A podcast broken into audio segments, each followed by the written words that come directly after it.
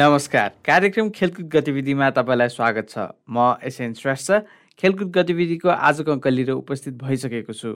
यो कार्यक्रम हरेक शनिबार बेलुकी साढे छ बजेदेखि सात बजेसम्म मात्र radio Candy ninety two point seven mega हर्जमा सुन्नु सक्नुहुन्छ।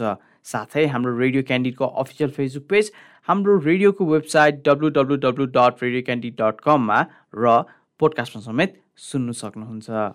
कार्यक्रम खेलकुद गतिविधिमा विभिन्न खेलकुद व्यक्तित्वसँग राष्ट्रिय तथा अन्तर्राष्ट्रिय विषयमा छलफल गर्नुको साथै नेपालमा बसेर खेलकुदमा योगदान पुर्याउँदै आइरहेका अग्रज तथा नवीन खेलाडीको जीवनी पनि प्रस्तुत गर्नेछौँ।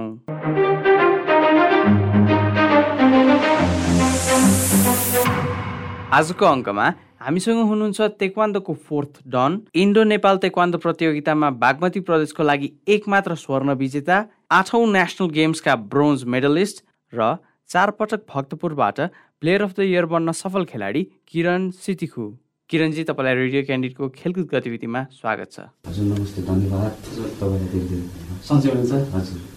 सुरुमा तेक्वान्डोतिर आकर्षण त्यो कहिलेबाट सुरु भयो? त अब टेक्वान्डो चाहिँ अब मेरो पहिलादेखि इच्छा भन्दा पनि मेरो आफ्नै मामा जुन चाहिँ मेरो माननीय गुरु विश्वराम मुसाकोजी उहाँ चाहिँ मेरो मामा हुनुहुन्छ। उहाँ चाहिँ पहिलादेखि टेक्वान्डो सिकाउनुहुन्छ है। अनि मेरो मामा घरको प्रायः सबैजना पनि टेक्वान्डो खेलाडी नै हो जसरी रिता मुसाको उहाँ पनि मेरो एन्टी हो। उहाँ पनि टेक्वान्डो खेलाडी हो रितिका मर्जन उहाँ पनि टेक्वान्डो खेलाडी हो। अनि मामाले चाहिँ मलाई के भन्नुहुन्छ जहिले टेक्वान्डो खेल तिम्रो हाइट छ तिमीले केही गर्छ तिमीले गर्न सक्छ तिमीमा केही छ गर टेक्वान्डो खेल भन्नुहुन्थ्यो है।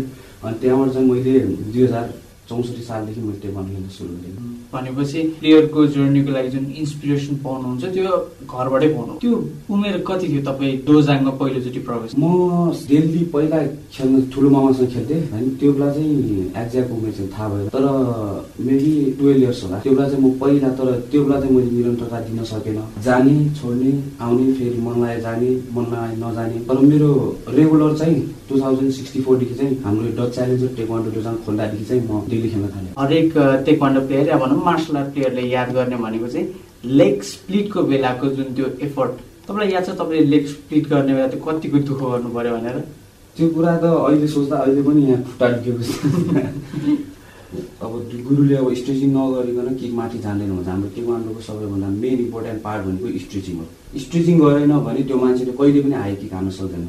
होइन अब जतिसुकै राम्रो खेल्छु जतिसुकै राम्रो हान्छु भने नि विदाउट स्ट्रेचिङ त्यसले गर्न सक्दैन कि। त्यही भएर चाहिँ हामीलाई जसरी हुन्छ अब उमेर छिपेको हुन त सक्दैन। अब उमेर कम हुँदा म बाह्र वर्ष हुँदा चाहिँ एटलिस्ट स्ट्रेचिङ त जान्थ्यो मेरो। अब त्यो बेला त एकदमै दुख्थ्यो। यता पाँच यता पाँच गरेर खुट्टा स्ट्रेचिङ गराउँथ्यो त्यो बेलाको अनुभव गर्दा अहिले पनि दुख्छ कि। अब त्यो स्ट्रेचिङ गरेदेखि या भनौँ पहिलोपटक डोजाङमा प्रवेश गरे पश्चातको ब्ल्याक बेल्टसम्मको यात्रा चाहिँ कस्तो रह्यो अब ब्ल्याक बेल्टसम्मको यात्रा भन्दा पनि मलाई चाहिँ ब्ल्याक बेल्ट हुनुभन्दा पनि जसरी हुन्छ आफ्नो नाम आफ्नो देशको नाम रोसन पार्नु थियो कि। ब्ल्याक बेल्ट हुनु अब ब्ल्याक बेल्टले मात्रै राम्रो गेम खेल्छ भन्ने छैन कि। जसरी हामीलाई गुरुले भन्नुहुन्थ्यो कि हाम्रो माननीय गुरुले ब्ल्याक बेल्ट भएर मात्रै राम्रो गेम हुँदैन भन्नुहुन्छ कि। जति पनि राम्रो गेम खेल्नेहरू यिनीहरू भनेको रेड बेल्टसम्मले राम्रो खेल्छ किनभने उनीहरूको डेली ट्रेनिङ हुन्छ। ब्ल्याक बेल्ट भएपछि जस्तो सुकै खेलाडी भयो भने अलिक एक दिन जाने दुई दिन नजाने तिन दिन जाने अब म ब्ल्याक बेल्ट भयो भने चाहिँ उसलाई पनि अनुभव हुँदो रहेछ अनि दिल्ली पहिलाको चाहिँ ट्रेनिङ जाने नि। अब त्यो ब्ल्याक बेल्ट भन्दा पनि मलाई चाहिँ जसरी हुन्छ आफ्नो डोजाङको नाम चम्काउने आफ्नो नाम चम्काउने। अब किनभने मेरो पहिला स्कुल पढ्दाखेरिदेखि मेरो एम भनेकै टु बी नेसनल प्लेयर के। मसँगै पढ्ने साथीहरूले तिम्रो एम के हो? भनेर सोद्धाखेरि कोहीले डक्टर भन्छ कोहीले टिचर भन्छ कोहीले इन्जिनियर भन्थ्यो। म चाहिँ त्यो बेलादेखि नै सेभेन एटदेखि पढ्दा नि my aim is to be a national player भन्थ्यो तर आज त्यो पुरा भयो खुसी पनि छु एकदम मलाई चाहिँ खेलकुदको तर्फमा चाहिँ कहिले पनि घरबाट कहिले पनि मम्मी ड्याडीले होइन मम्मी ड्याडीले एकदमै कुरा बुझ्ने कि मेरो। गेम भनेपछि मलाई कहिले पनि रोक्टो गर्नु भएन कि त्यो ब्ल्याक बेल्टसम्मको यात्रा भन्दा पनि मलाई त्यो जसरी हुन्छ मैले मेरो नाम चम्काउनु छ। भनिन्छ नि मान्छेले जिन्दगीमा केही त गर्छु भन्ने सोच हुन्छ नि। मेरो पनि टेक्वान्डो खेलेर अब म केही गर्छु। मेरो नाम म चम्काउँछु जसरी हुन्छ। अब मेरो नाम चम् चम्केपछि ड्याडी मम्मी त्यत्तिकै प्राउड फिल गर्ने भयो अनि मेरो गुरु विश्वराम मुसाकोजी उहाँले पनि धेरै मलाई सानोदेखि खुट्टा समातेर हात तैँले सक्छस् गर्छस् भनेर हात खुट्टा समातेर सिकाउनु भयो। उहाँलाई चाहिँ धेरै धेरै धन्यवाद भन्छ अहिले पनि होइन? अब त्यो यात्रा भन्दा पनि मेरो चाहिँ त्यही हो। जसरी हुन्छ मैले मेरो नाम रोसन पार्नुपर्छ। ब्ल्याक बेल्ट हुनु भन्दा पनि मलाई चाहिँ जसरी हुन्छ मैले देशको नाम राख्नुपर्छ। कस्तो छ त सिनारी भनेर भन्नुभयो अहिले रेड स्टेपलाई अलिक बढी मेहनत गर्छ भन्नुभयो होइन? तर त्यो हुँदा हुँदा तपाईँले ब्ल्याक बेल्ट पनि पार गरेर फोर्थ टर्नसम्म पुग्नु भइसक्यो नि त। हजुर।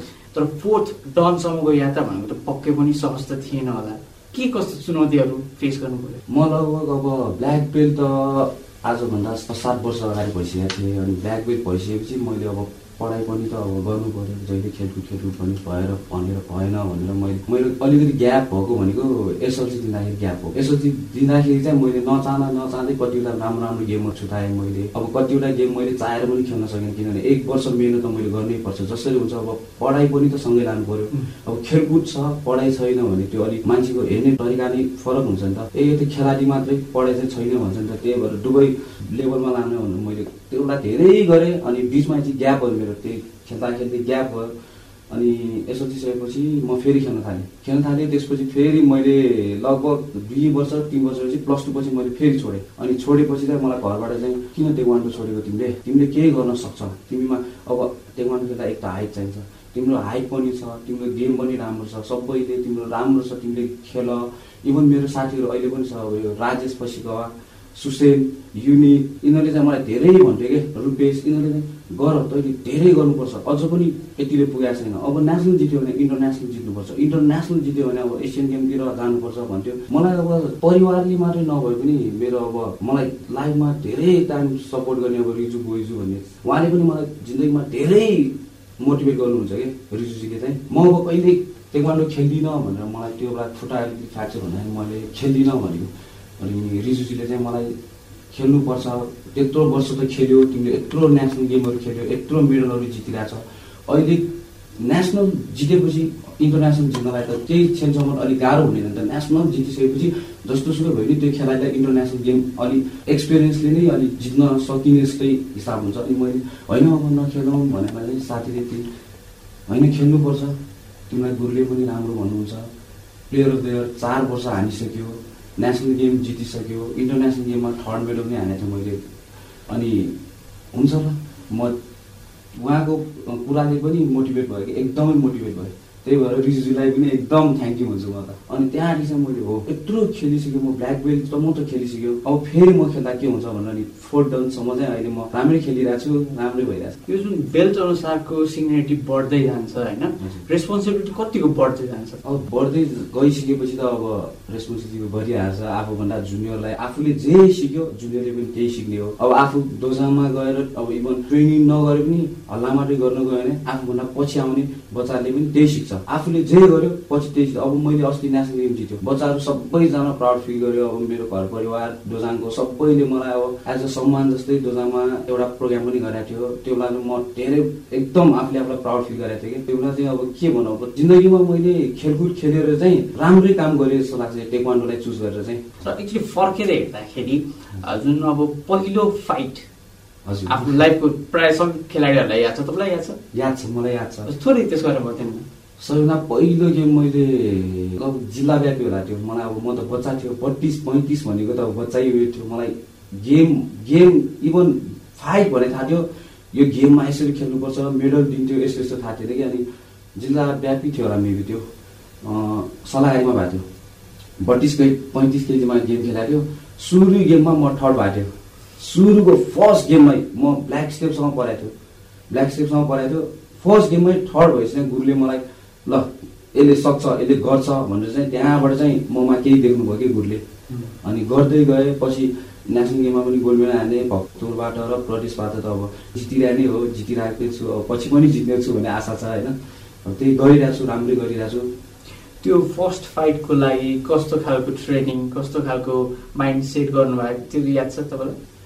फर्स्ट गेमको लागि माइन्ड सेट भन्दा पनि यस्तो हो। मलाई चाहिँ त्यो गेममा गएर जुड्ने आउने। त्यति मात्रै लागेको कि यस्तो हान्ने यस्तो गर्ने। अब अब यो अब यो टाइममा चाहिँ के हुन्छ भने यो किक हान्छु म यसरी। यो किकले यति मार्क्स आउँछ। टाउकोमा हानेपछि यति मार्क्स आउँछ भन्ने जुन इच्छा थियो नि त्यो बेला चाहिँ थिएन कि। त्यो बेला त जाने हान्ने।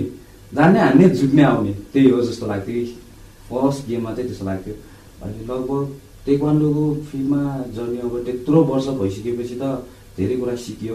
अब मिलन दाई हजुरले चिन्नुहुन्छ। मिलन दाई पनि मेरो हामी दुईजना एउटै वेटमा थियो। मिलनजी पनि एकदम राम्रो खेल्नुहुन्थ्यो। उहाँ र म प्रायः सेलेक्सनमै भिड्नुहुन्थ्यो कि त्यो बेलादेखि हामीले दुःख गर्दा गर्दा अहिले यो टाइममासम्म त्यो गर्न सकिरहेको छु।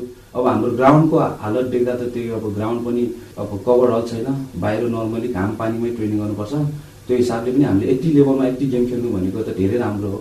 भनेको हाम्रो भक्तपुरको टेकवाटो प्लेयर्सहरूलाई आफ्नो स्ट्रगल त छँदैछ तर त्यो स्ट्रगल हुँदाहुँदै पनि आफ्नो डेडिकेसनले नै अघि बढिरहनु भएको छ। हजुर तपाईँकै अब जर्नीको कुरा गर्ने हो भने पानी नखाइकन पनि रातभरि घाँटी सुक्खा हुने गरी भोलिपल्ट म्याच फाइट गर्नु गएको थिएँ भनेर त्यो त्यसलाई अलिकति अझ प्रश्न पारिदिनु त्यो मोमेन्टलाई त्यो चाहिँ यस्तो हुन्थ्यो। हामी अब डोजाङमा लगभग तिस चालिसजना खेलाडी हुन्थ्यो।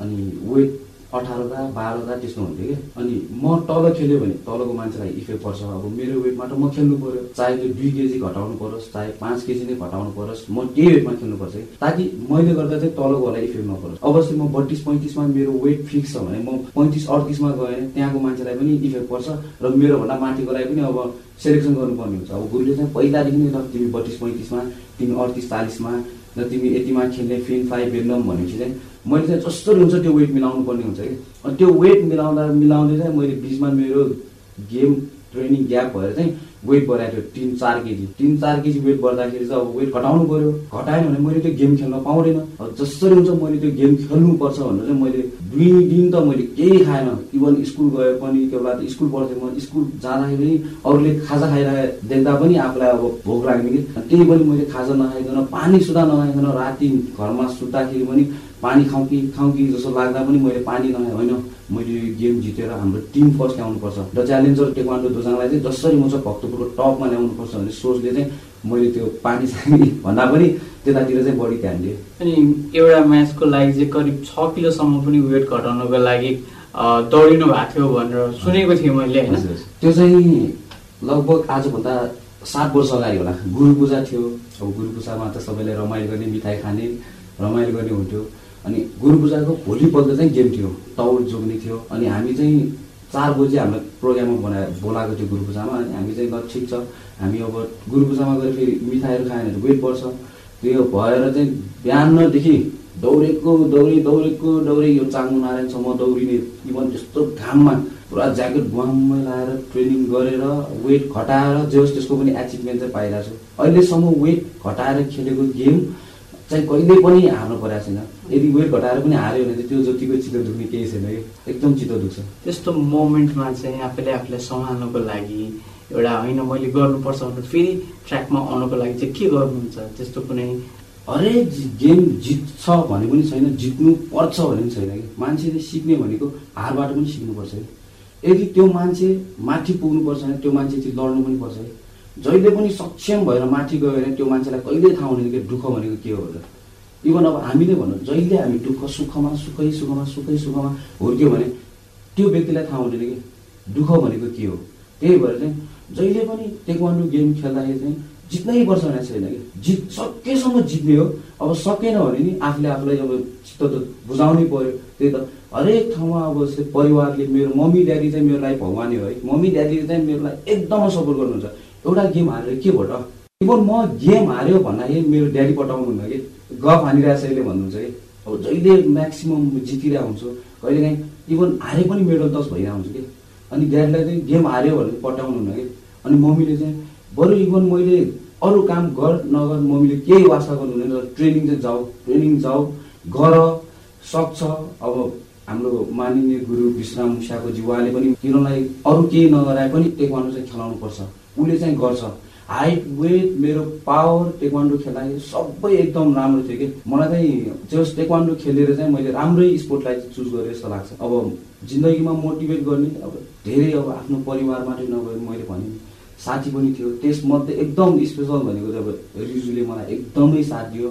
मैले यो ठाउँमासम्म आउनलाई नै उहाँको धेरै मोटिभेट छ कि। यदि उहाँले पनि मलाई सपोर्ट गर्नु भएन भने त म यो ठाउँमा हुँदिनँ होला आज। मैले त्यो टाइममा नै आजभन्दा पाँच वर्ष अगाडि नै मैले छोडिसकेँ होला है। फेरि होइन गर्नुपर्छ भनेर चाहिँ मैले हुन्छ ठिक छ। हार एकचोटि हार भयो भनेर गेम छोड्नु भने त्यो एकदम मूर्ख मान्छे हो। बरु हारले चाहिँ सिक्नु पऱ्यो कि? त्यही भन्छु म चाहिँ। सबै खेलाडीहरूलाई त्यही भन्छु। यदि खेलाडी माथि पुग्नु छ भने त्यो खेलाडी एकचोटि लड्नु पनि पर्छ हार्नु पनि पर्छ कि? अहिले तेक्वान्दोकै लागि भनेर आफ्नो ब्याङ्कको जागिर छोड्नु भएको थियो। हजुर हजुर। त्यो निर्णय लिनु भने पक्कै पनि सहज भएन होला। त्यो त्यो क्षणलाई सम्झिनु अब मैले अघि भने नि हजुरलाई म स्कुल पढ्दाखेरि मेरो एम के हो भनेर सोद्धाखेरि म अरूले अब डिफ्रेन्ट डिफ्रेन्ट उत्तर दिन्थ्यो कोही बिजनेसम्यान भन्दा तर मेरो एम भनेको पहिलादेखि नै म एनी हाउ जसरी हुन्छ नेसनल प्लेयर बन्नु थियो। अनि बिचमा मैले गेम खेल्दै गर्दाखेरि नेसनल गेम जितेँ।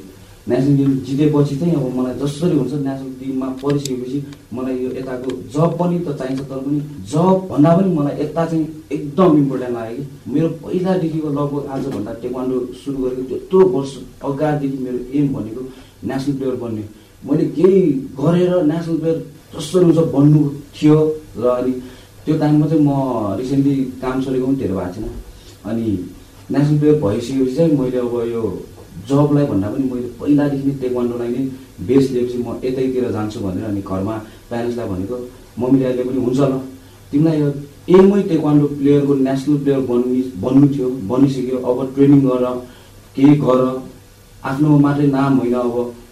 पुरा देशको नाम चम्काउनेतिर हिँड। मम्मी ड्याडीले पनि धेरै मोटिभेट गर्नुहुन्छ। अनि मैले चाहिँ मामालाई पनि सोधेँ। मामा आफ्नै गुरु हुनुहुन्थ्यो होइन। उहाँलाई पनि सोधेँ ल ठिक छ त्यसो भए अब तिमी नेसनल टिममा पढाएको छ। ट्रेनिङ गर राम्रो गर। तिम्रो एम भनेको पहिलादेखि त्यही थियो राम्रो गर। अब अझ पनि भन्छ साथीले किन एनआइसी छोडेको किन अब ब्याङ्क छोडेको भन्छ है। तर पनि अब ठिकै छ। ब्याङ्कको त्यो फिक्स तलब भन्दा पनि जुन प्रतिको जुन त्यो माया थियो गोल थियो त्यसले नै तपाईँलाई डोरायो। हजुर हजुर। अब इन्डो नेपाल तेक्वान्दो प्रतियोगितामा गोल्ड मेडल जित्नुभयो। हजुर। त्यो मोमेन्टलाई स्मरण गरौँ न। त्यो अहिले सम्झिँदा कस्तो महसुस हुन्छ? इन्डो नेपालको गेममा चाहिँ हामी लगभग यहाँबाट प्रदेशबाट प्रदेश नम्बर तिनबाट चाहिँ हामी सातजना हो कि मेबी दसजना ठ्याक्कै बिर्स्यो मैले। दसजना जति गएको थियो होला। दसजना गएकोमा चाहिँ कोही थर्ड भयो कोही सेकेन्ड भयो अनि गुरुले चाहिँ मलाई तिमीले एउटा भयो भने जसरी हुन्छ गोल्ड मेडल हान्नुपर्छ प्रदेश नम्बर तिनको लागि भए पनि। इभन हामी अब अरू अरू अरू प्रदेश जस्तै हामी भन्दा अगाडि टाढा टाढाको जस्तै प्रदेश नम्बर दुई चार पाँच छ यिनीहरूले चाहिँ धेरै राम्रो गेम खेलेर चाहिँ अब कतिजना खेलाडीले गोल्ड मेडल हान्यो। अनि गुरुले चाहिँ मलाई तिमीले जसरी हुन्छ एउटा गोल्ड मेडल हान्नै पर्छ प्रदेश नम्बर तिनको लागि। प्रदेश नम्बर तिनको लागि तिमीले एउटा गोल्ड मेडल हानेन भने हाम्रो लागि त्यो नराम्रो हो भनेर मलाई गुरुले एकदम मोटिभेट गर्नुभयो। मैले त्यो गेम राम्रोसँगै खेलेँ। फाइनलमा इन्डियासँग परेको थियो। इन्डियालाई पनि राम्रै अङ्कले हराएर गोल्ड मेडल जित्न सफल भएँ। त्यो अब नेसनल वाइज खेलिरहेको नेपालको प्लेयरहरूसँग खेलिरहेको एउटा हेबिट बनिसकेको थियो होइन।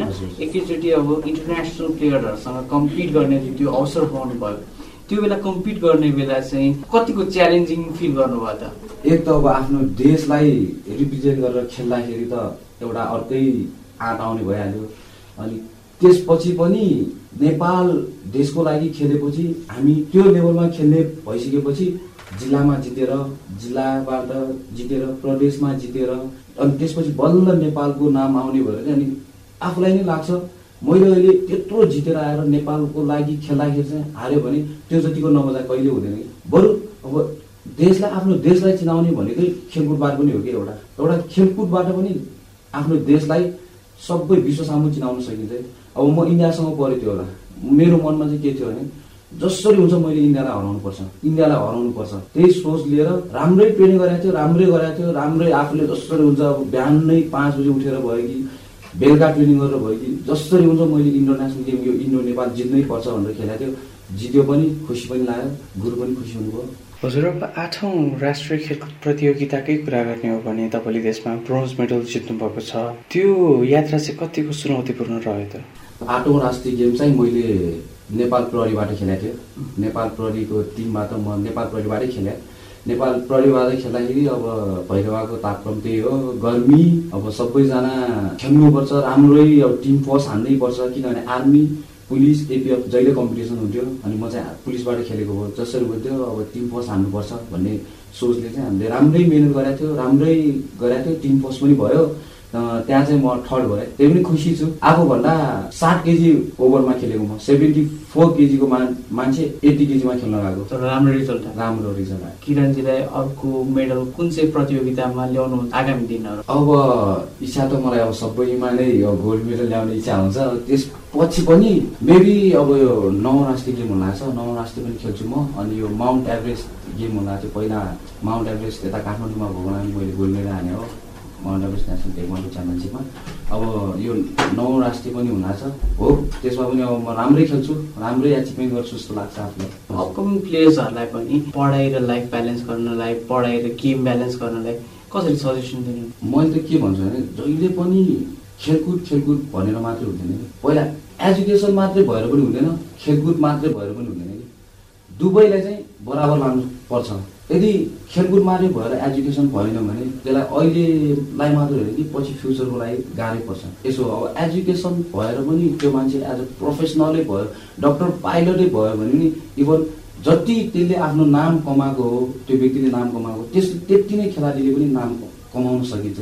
अब जस्तै मैले भनौँ मैले आफैले अब प्लेयर अफ द इयर भक्तपुरबाट चारचोटि हाने पुरुषतर्फ प्लेयर अफ द इयर हान्दाखेरि चाहिँ भक्तपुरको म्याक्सिमम् धेरै मान्छेले चिन्यो किनभने उहाँ हाम्रो नेपाल मजदुर किसान पार्टीबाटै हामीलाई गिफ्ट ह्याम्पर गराएको थियो त्यो बेला ट्र्याक सुट सबै उहाँहरूले आयोजना गरे हो त्यहाँबाट चाहिँ मान्छेहरू के भयो भने इभन मेरो सोसाइटीमा पनि अहिले पनि मलाई देखेर मान्छेले मेरो छोरालाई पनि टेक्वान्डो लगाउन मेरो छोरीलाई पनि टेक्वान्डो लगाउन ऊ पढाइ पढाइ भनेर बाहिर कुरामा एक्टिभ भएन खालि एजुकेसन मात्रै भएर पनि पुग्दैन भनेर मलाई अहिले पनि भन्नुहुन्छ कि। इभन मैले कतिजनालाई खेलाडीलाई पनि लगेर आफू पहिला जहाँ ट्रेनिङ गर्थ्यो त्यहीँ लगेर गुरुलाई ल सिकाउनु पऱ्यो भनेर कतिलाई मैले लगेको पनि छु। किनभने म पनि एउटा भोलि आएर एउटा इक्जाम्पल बन्न लायक होस् न। उसको एजुकेसन पनि छ खेल पनि खेलिरहेछ। अब कोहीले भन्छ पढाइ भ्याएन त्यही भएर मैले गेम खेलेन भन्छ। तर यदि त्यो व्यक्तिलाई म खेल्नै खेल्छु भन्ने म टेक्वान्डो नै खेलेर गोल्ड मेडल लिस्ट बन्छु भन्ने छ भने त्यो व्यक्तिले सकिन्छ कि? भनिन्छ नि एउटा उडेसी के लिनु उडी छुनु चन्द्र एक भने जस्तै उडेसी लिनु भने नि उडेर चन्द्र छुनु पऱ्यो कि अब म यहाँ बसेर म टेक्वान्डोमा गोल्ड मेडल हान्छु जहिले भनेर विदाउट ट्रेनिङ मैले सकिँदैन नि। त्यही भएर चाहिँ यदि गर्नु छ भने चाहिँ गर्नु पऱ्यो कि। घरैमा बसेर चाहिँ कहिले पनि एचिभमेन्ट हुँदैन। आफू ट्रेनिङ गरेर कमल पोखरी त इभन मैले हामीले पहिला त्यो टाइममा ट्रेनिङ गर्दा दिनमा अठार राउन्ड बाइस राउन्ड हानेर ट्रेनिङ गर्थ्यो कि। त्यो बेलाको हेर्दा चाहिँ अहिले होस् आफूले आफूलाई अब राम्रै एचिभमेन्ट पाइरहेको छु जस्तो लाग्छ। भनेपछि लाइफलाई ब्यालेन्स गरेर लाग्दाखेरि अपर्च्युनिटीहरू पक्कै पनि पाउनुहुन्छ। त्यसमा निराश हुनुपर्ने दुःख हुनुपर्ने केही छैन। पक्कै पनि डेडिकेसन भयो भने तपाईँ माथि आउने हुन्छ। लेखा पर्नु भइहाल्छ। हजुर अब जाँदा जाँदै खेलकुद गतिविधिको प्लेटफर्मबाट सम्पूर्ण श्रोतालाई के भन्न चाहनुहुन्छ भने प्लिज भन्नु। म चाहिँ अब म स्वयं किरण सिटीको तर्फबाट चाहिँ रेडियो क्यान्डी खेलकुद गतिविधि तपाईँ यत्रै मनदेखि धेरै धेरै धन्यवाद भन्न चाहन्छु। किनभने मलाई आज यहाँ एज अ गेस्टको लागि बोलाउनु भयो। मेरो लागि पनि प्राउड एकदमै प्राउड मुमेन्ट हो। यस्तो किनभने मैले यस्तो जिन्दगीमा यो मात्र नभए अब अरू अरू पनि प्राउड फिल गर्ने टाइम आओस् कि मलाई चाहिँ। त्यही भन्न चाहन्छु अब सबैलाई तपाईँहरू सबैलाई यहाँको क्रिम मेम्बर खेलकुद गतिविधि रेडियो क्यान्डीलाई चाहिँ मेरो भित्री मनदेखि नै धन्यवाद भन्न चाहन्छु। आफ्नो व्यस्त समयमा पनि हाम्रो कार्यक्रम खेल गतिविधिको लागि समय निकालेर यहाँसम्म आएर बोलिदिनु भयो त्यसको लागि धन्यवाद र आगामी दिनको लागि शुभकामना। हस् धन्यवाद। आजको अङ्गमा हामीले तेक्वान्दोको fourth dan Indo Nepal taekwondo प्रतियोगितामा बागमती प्रदेशको लागि एक मात्र स्वर्ण विजेता आठौँ नेसनल गेम्सका ब्रोन्ज मेडलिस्ट र चारपटक भक्तपुरबाट प्लेयर अफ द इयर बन्न सफल खेलाडी किरण सिटिखुसँगको कुराकानी प्रस्तुत गऱ्यौँ। कार्यक्रमबारे तपाईँको सुझाव सल्लाह वा कुनै जानकारी भए फेसबुक पेज अथवा radio Candid ninety two point seven at the rate Gmail dot कममा मेल गर्नुहोला। उपयुक्त सुझावलाई हामी पक्कै ग्रहण गर्नेछौँ। कार्यक्रम सुनिदिनुभयो तपाईँलाई धन्यवाद। हवस् त अर्को शनिबार फेरि भेटौँला। गणेश श्रेष्ठ र म एसएन श्रेष्ठ। बिदा हुन्छौँ। नमस्कार।